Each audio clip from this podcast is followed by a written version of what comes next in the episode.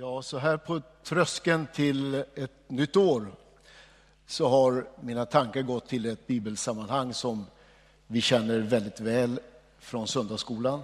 om vi har gått i söndagsskolan. Om vi inte gjort det så känner vi ändå till det här bibelsammanhanget. Eh, och jag ska läsa det alldeles strax, men jag vill bara ge dig ett tankeexperiment. Eh, tänk om du var på Tunavallen av någon anledning. Vi säger att det är en, någonting som händer där. Det är fullt. 7800 ryms på Tunavallen. Och sen är det någon som säger till dig, du, eh, det är snart paus. Kan du fixa mat, tror du, till de här? Tänk dig den tanken. Vad, vad skulle du tänka? Vad skulle du göra? Ska vi be? Herre, när vi nu öppnar ditt ord så ber vi att du ska öppna våra hjärtan. Öppna vårt förstånd, öppna våra tankar så att vi förstår det den heliga Ande vill förmedla in i våra liv den här stunden. Herre, jag ber personligen om din hjälp att med de rätta orden kunna fånga det som du har lagt på mitt hjärta. Ber om blodets beskydd över våra liv, över våra tankar. I Jesu namn. Amen. Ni förstår kanske vilken bibelhändelse som vi ska läsa om.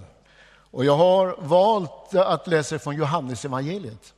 Den här berättelsen finns ju faktiskt i alla evangelierna. Det sjätte kapitlet i Johannes evangeliet. jag läser från vers 5. När Jesus lyfte blicken och såg att mycket folk kom till honom sa han till Filippus, var ska vi köpa bröd så att dessa får något att äta? Det sa han för att pröva honom, ty själv visste han vad han skulle göra. Filippus svarade, bröd för 200 denarer räcker inte för att alla ska få ett stycke var.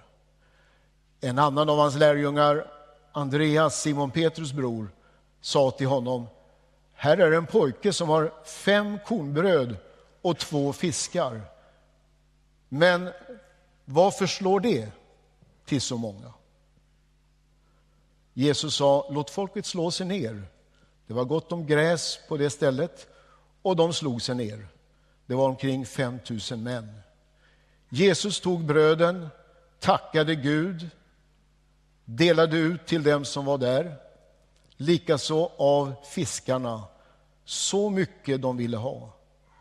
När de var mätta sa han till sina lärjungar, samla ihop de stycken som har blivit över så att inget blir förstört. De samlade ihop dem och fyllde tolv korgar med de stycken som hade blivit över av de fem kornbröden när de ätit. Amen.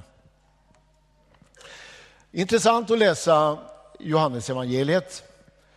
Eh, om jag förstår rätt så är det här det, det fjärde tecknet som Jesus gör. I det andra kapitlet så står det att Jesus gjorde sitt första tecken. Det kanske ni minns. Det var när han var på ett bröllop i Kana. Och då står det att när han förvandlade vatten till vin så slutar den berättelsen med att detta var det första tecknet Jesus gjorde. Han uppenbarade sin härlighet och hans lärjungar trodde på honom. Lite längre fram i det fjärde eller det femte kapitlet så möter vi en, en man som är i kunglig tjänst. Han har sin son som ligger sjuk hemma och han ber Jesus om hjälp. Och Jesus uttalar helande ord över den här unga pojken och mannen går hem och finner honom frisk så står det detta var det andra tecknet Jesus gjorde. Men parallellt med det där så ser vi Jesus bota sjuka och det händer mycket kring Jesus. Men det fanns speciella tecken som Jesus ville förmedla.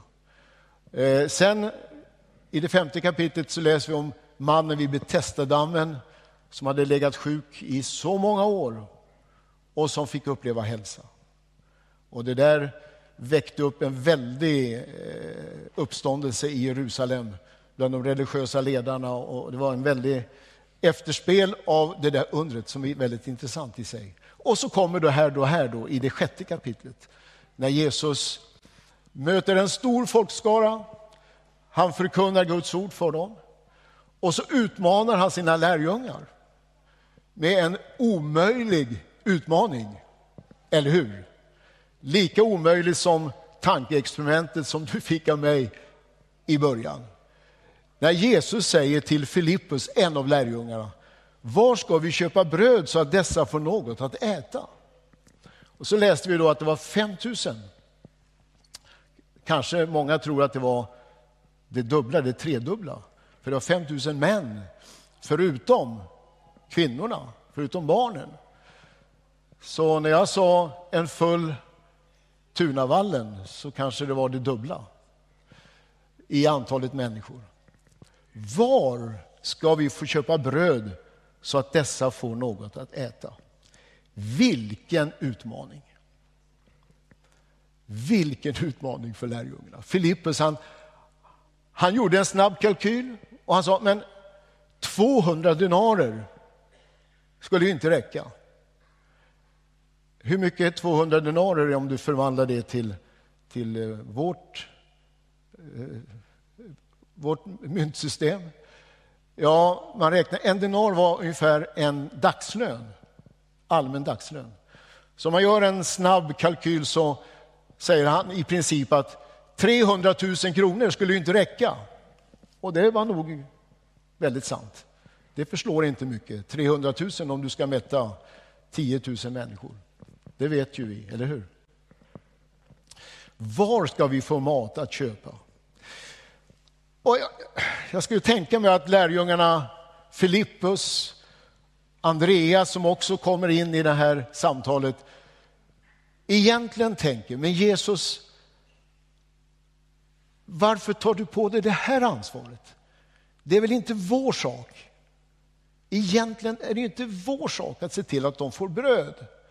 Det är väl vars och ens ensak att man ser till att man har mat med sig och att familjen har mat. Det kan ju inte lägga på oss.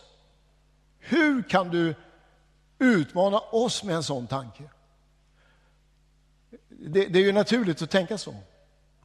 Eller någon annan får väl ta ansvar, vem det nu kan vara. Kommunen, staten, vem vet? Men lägg det inte på oss.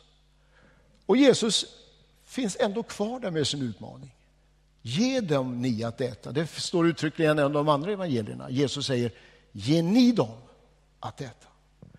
Vilken utmaning. Och där står de alltså, utan resurser. De räknade efter, de hade inga pengar. De befanns ute i en ödemark, fanns ingenstans. Om de hade pengar fanns det ingenstans att köpa mat. Det var helt, en helt omöjlig uppgift. Och ändå så står utmaningen kvar. Kallelsen för lärjungarna finns där. Och det är då Andreas kommer med den här lilla pojken. Och det känns nästan som han, han vill retas med Jesus. Han hittar en liten pojke med en matsäck, fem små kornbröd och två fiskar. Och han tar det här och kommer till Jesus och säger, ja men här har du ju faktiskt en liten matsäck. Varsågod. Och så lägger han till, och det skulle jag vilja sätta som rubrik för mina tankar den här förmiddagen. Vad förslår, förslår väl det till så många? Vad förslår väl det till så många? Ja, Jesus låter sig inte provoceras eller retas, utan han tar faktiskt det som en, en möjlighet. Han säger tack. Och sen ser vi något väldigt intressant när det här märkliga undret sker, för det är det som händer. Hur Jesus mättar en stor folkskara människor som äter och som blir mätta, så mätta att de inte orkar äta något mer. Och ändå så vet vi att det blir över. Vad är det som, vad, hur börjar det? Ja, lärjungarna de får i uppdrag att skapa förutsättningar för att undret ska kunna ske. De förstår inte riktigt vad de gör, men, men Jesus säger till dem, se nu till att folket slår sig ner här i matlag.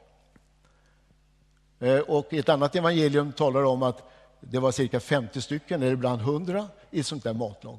Det var grönt gräs och folk la sig ner och lärjungarna gick där och ordnade och sa 50 stycken i varje matlag.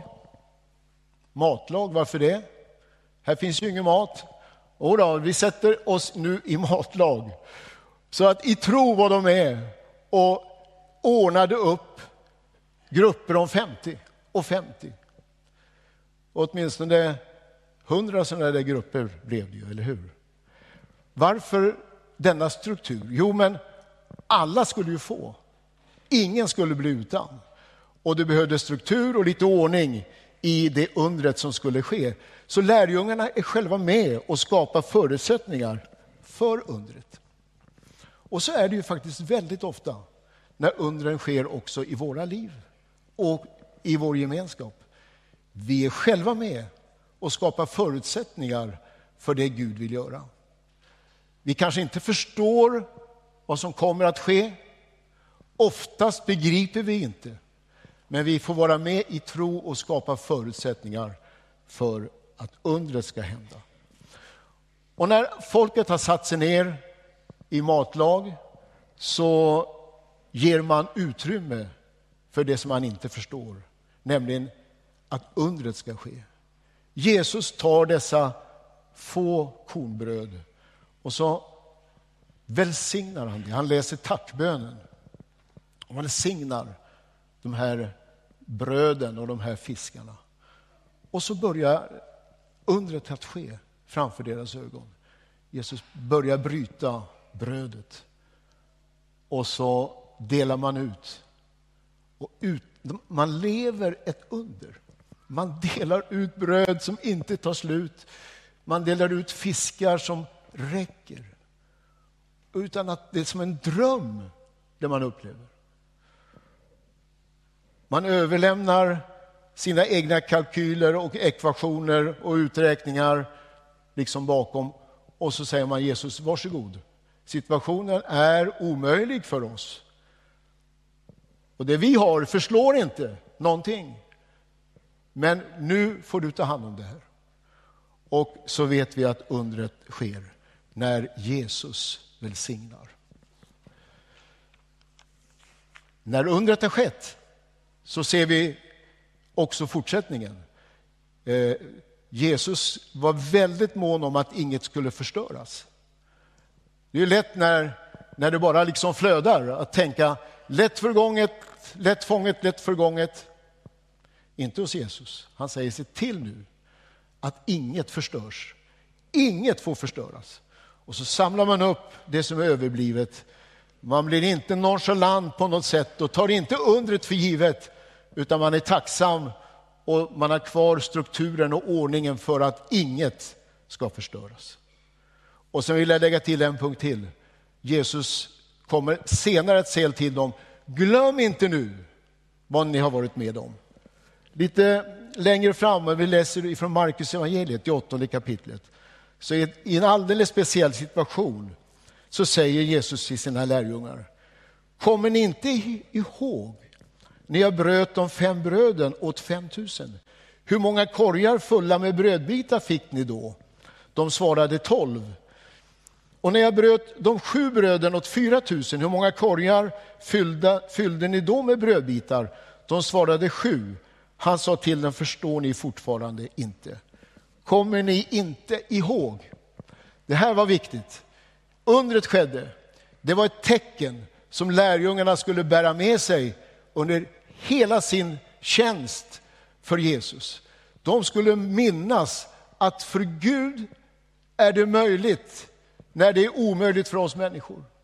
När kallelsen når oss och vi säger det förslår ingenstans så har Gud möjligheterna i sin hand och förmera och multiplicera och göra sin välsignelseakt över det som ingenting är så att det räcker och blir över. Så lärdomen för mig när jag har tänkt på de här verserna som jag har gjort under en tid, det är, och jag tror lärdomen också för lärjungarna det var denna, det du har förslår till det som Gud kallar dig till att göra. Lärjungarna sa, det här förslår inte till någonting. Jo, det Gud har kallat dig till, det förslår det till. Ofta är det så när du läser Bibeln, när Gud kommer med sin kallelse, så är det precis det här som, som möter honom. Människor säger, men det, jag, det förslår ingenting. Om du går igenom Bibeln och tänker lite grann. Tänk på Abraham och Sara. Gud hade gett dem en kallelse, en vision inför framtiden. Och de väntade. Och när de slutligen står där, Abraham nästan 100 år gammal och hans hustru Sara 90 år. Och Gud visar dem himlavalvet och säger räkna nu om ni kan. Räkna. Och Abraham och Sara räknar, försöker och kommer bort sig naturligtvis. Och så säger Gud, så ska er avkomma bli. Och de står 100 år och 90 år gamla, håller varandra i handen och säger, men Herre, det är det här vi har. Det förslår väl ingenting? Och du vet följden, du vet fortsättningen. Hur Gud använder det som ingenting var för att förverkliga hans plan, hans kallelse. Och Abraham och Sara, de skulle få se. Visionen blev verklighet.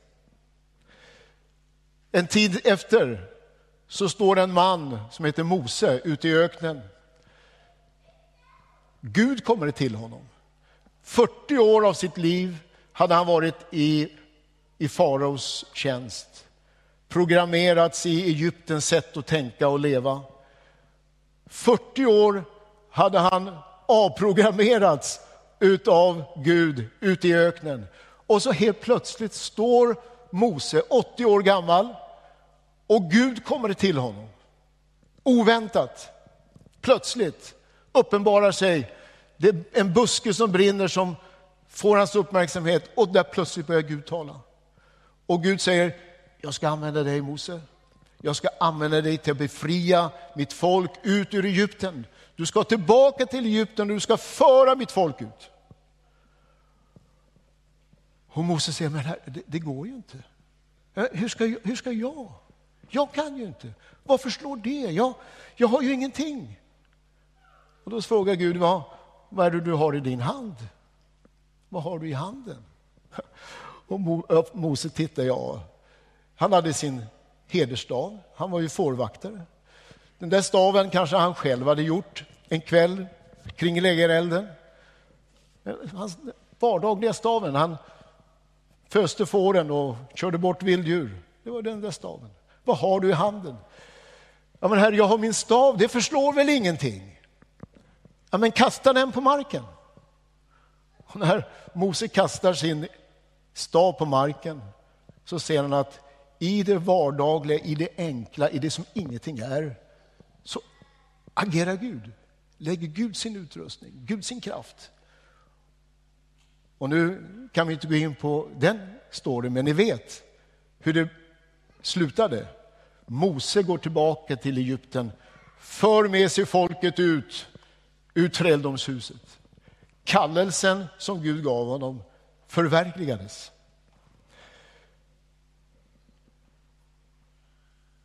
En liten pojke, David, står inför sitt livs utmaning. Han råkar hamna mitt i en, en stridssituation med två arméer. Och plötsligt, utan att han riktigt fattar, så är han själv huvudperson när han går, ska gå emot den, den där jätten Goliat som, som reser sig upp från eh, fiendelägret. Och Gud säger, David, jag är med, gå. Och David säger, men varför slår det? Jag, vad har jag? jag? Jag har min slunga. Den där slungan han hade använt som fårvaktare. Han hade jagat bort rovdjur med sin slunga. Men han säger, står det, det förslår väl ingenting? Jag har väl ingenting, Gud? Ja, men säger Gud, jag är med dig. Använd det du har. Och när han gör det, vi vet ju alla hur det slutade. Guds kallelse över hans liv gick i fullbordan. Och så där skulle vi kunna plocka ifrån olika personligheter i Bibeln. Alla har egentligen samma upplevelse. Gud kom till dem, gav dem en uppgift, en kallelse och de säger, men Herre, det förslår väl ingenting. Det vi har, det räcker väl inte. Det kan ju inte hända någonting med det lilla vi har. Och så tar Gud just det och förvandlar det till sitt syfte och till det han har tänkt och förverkligar sin plan. Så här skriver Paulus till församlingen i Korint. Bröder, skriver han i det första kapitlet. Se på er egen kallelse. Inte många av er var visa på världens sätt. Inte många var mäktiga, inte många förnäma. Nej, det som för världen var dåraktigt utvalde Gud för att förödmjuka det visa. Och det som för världen var svagt utvalde Gud för att förödmjuka det starka. Och det som för världen var obetydligt och föraktad och inte fanns till, det utvalde Gud för att tillintetgöra det som fanns till, för att ingen människa ska berömma sig inför Gud. Det som inte fanns till, det som var obetydligt, det utvalde Gud. Det är så Gud gör. Varför slår det? Ja, mänskligt sett förslår det inte, men i Guds hand räcker det till det Gud har tänkt. Sista kvällen med sina lärjungar. Jesus har det sista samtalet, den sista bönestunden. Och så hör lärjungarna Jesus be sin, den där mäktiga bönen med Guds närvaro. De upplever Guds helighet och så hör de Jesus säga Herre, som du har sänt mig sände jag dem. Dessförinnan hade Jesus tagit brödet, brutit brödet. Och jag nästan tror att lärjungarna tänkte tillbaka hur Jesus tog brödet ur pojkens hand och bröt det och delade ut så att det räckte. Och så hörde de Jesus säga, men, och så tänkte de, men snälla någon, vi är tolv, ja vi är bara elva. Hur ska vi? Hur ska vi kunna förändra världen? Hur ska vi kunna föra budskapet vidare? Efter sin uppståndelse, kvällen när Jesus, samma dag Jesus uppstod, står han tillsammans med sina lärjungar. Och så säger han till dem samma ord, fast nu då i en personlig kallelse. Han säger, som Fadern har sänt mig, sänder jag er. Och så tillade han, lyckligtvis, ta emot den helige Ande. Och han andades på dem och de tog emot den helige Ande. Men kan du inte höra hur de tänkte? Vad menar Jesus? Här står vi, vi är några stycken. Vi lever mitt i en fientlig tillvaro. Man har just dödat vår mästare. Och så säger Jesus till oss, nu sänder jag er. Gå ut i hela världen, gör alla folk till lärjungar. Varför slår det?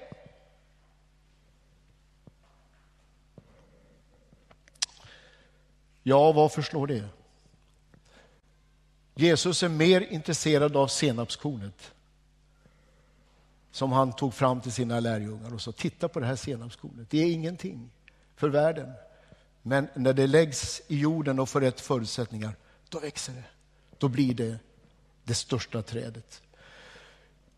Gud är inte i första hand intresserad av det mäktiga, det stora, utan ser oftast mer till den ringa begynnelsen, där Gud börjar i det lilla och där han förverkligar sitt syfte. Finns den goda viljan är den välkommen med vad den har och bedöms inte efter vad den inte har. Så säger Paulus i andra Korinthierbrevet. Ja, det vi inte har, det är mycket. Och det vi har, det är inte så mycket. Och vi säger, vad förslår det? Men om vi lägger det i Guds hand så vet vi att det räcker till det som Gud har tänkt och att vi kan förverkliga Guds kallelse för våra liv. Hörrni, vi står nu på tröskeln till ett nytt år. Vi lever ju på ett sätt i en märklig tid. Visst är det så? Eh, om du är lite uppmärksam på vad som händer utöver vår värld så vet du att vi lever just nu i uppfyllelsen av profetiorna i det som kallas för förberedelse för Jesu andra tillkommelse. Sak efter sak som vi tidigare tänkte, hur ska det här vara realistiskt? Det händer just nu. Och vi kan inte säga som en del politiker, vi såg det inte komma. Det är politikernas valspråk just nu. Vi såg det inte komma. Vi ser det komma och vi vet att vi lever i en mycket, mycket speciell tid. Dessutom vet vi att vårt land skakas av våld och brutalitet och det finns mycket utmaningar på, på olika sätt. Och där står vi då. Jag skulle bara nu på slutet vilja rikta till dig personligen, till mig personligen. Här står vi då. Med Guds kallelse. Ja, men säger du, jag har ingen kallelse i mitt liv. Jo, det har du. Vi har alla en uppgift som Gud vill att vi ska förverkliga. Alla, varenda en av oss, har Gud ett syfte och en uppgift för. Och ofta så säger vi precis så, eller vi kanske inte säger men vi tänker det. Men vad förslår det? Det jag har, mina förmågor, jag, jag kan ju inget, jag har ju inget. Ja, det är, det är en gammal fras, kommer från Andreas. Herre, varför slår det? Och han skulle få se att det räckte. Bröden, fiskarna räckte att förvandla situationen. Vad har Gud talat till dig om? Vad har Gud talat till dig om? Eh, lyssnade igår, hittade på, på, på nätet den här dikten av Nils Bolander. Har du läst den? Herre, vad tänkte du på när du kallade mig? Jag tror jag har den här. Herre, vad tänkte du på när du kallade mig?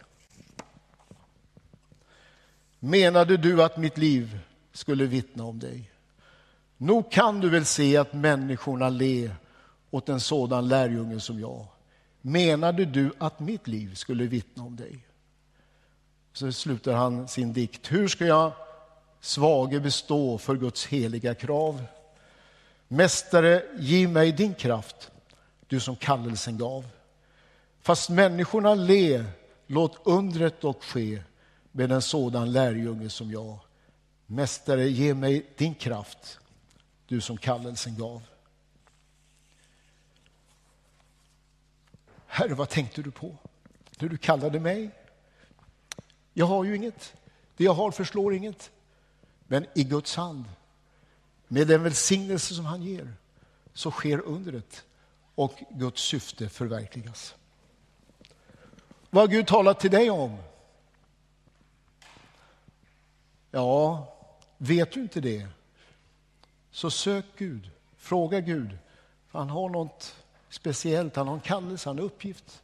Han vill, det är någonting som du ska vara med och förverkliga. Och som församling, vi står på tröskeln till ett nytt år. Vad förslår det vi har? Ja, men vi, vi har naturligtvis Eskilstuna i, i blickpunkten. Vi är ju bara en procent av Eskilstunas befolkning i vår församling. Vad förslår det? Våra resurser är begränsade när det gäller frivilliga insatser, när det gäller pengar. Varför slår det? Men Gud har gett oss kallelsen. Gud har gett oss uppgiften. Var med och förändra Eskilstuna. Ge evangelium. Pojkar och flickor som aldrig har hört om Jesus, de behöver höra. Vilsna ungdomar som söker i knark och i droger. för att fylla sitt inre tomrum, de behöver vi nå. Männen, kvinnorna, de ensamma papporna, de ensamma mammorna. Ja, men är det vår sak? Kan du lägga det på oss? Ja, det verkar så. Gud lägger ansvaret på oss. Ge dem att äta. Ja, men det är väl, eh, det får väl staten, det får väl kommunen ta hand om. Ja, de tar väl hand om mycket, men det finns det som kommunen inte kan ta hand om. Och vem ska då göra det? Ja, det är vi. Det är faktiskt vi. Ja, men vi klarar inte det. Varför slår det? Med Guds hjälp. Med Guds hjälp kan det ske. Det finns eh, cirka 12 länder som Gud har gett vår församling ett speciellt ansvar för. Vet du hur många länder det finns i världen? FN räknar 195. Och räknar du på ett annat sätt så kan du komma upp till 246. Har jag lärt mig. Av de många länderna så har Gud tagit några stycken och sagt här, här får ni ett ansvar. Togo, Mauritanien, Tunisien och så vidare. Här är ert ansvar. Mätta de hungrande. Lär barnen att läsa. Ja, men stopp där, det är väl inte vår sak? Ja, vems sak är det? Är det FNs sak?